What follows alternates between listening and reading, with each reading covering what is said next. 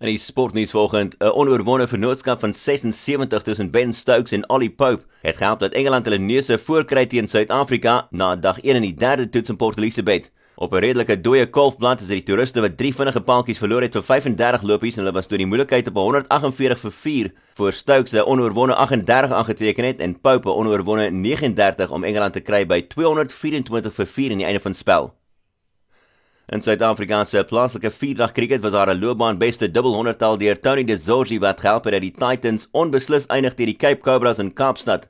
'n Loopbaanbeste 180 deur Themba Bavuma was nie genoeg om te keer dat die kompetisie voorloper Lions 'n 130 loopie nederlaag lei teen die Dolphins in Pietermaritzburg nie. En dan was daar sewe paaltjies geweest tussen Shirley van Wyk en Shaun van Berg wat gehelp het dat die Knights die Warriors klop met 10 paaltjies.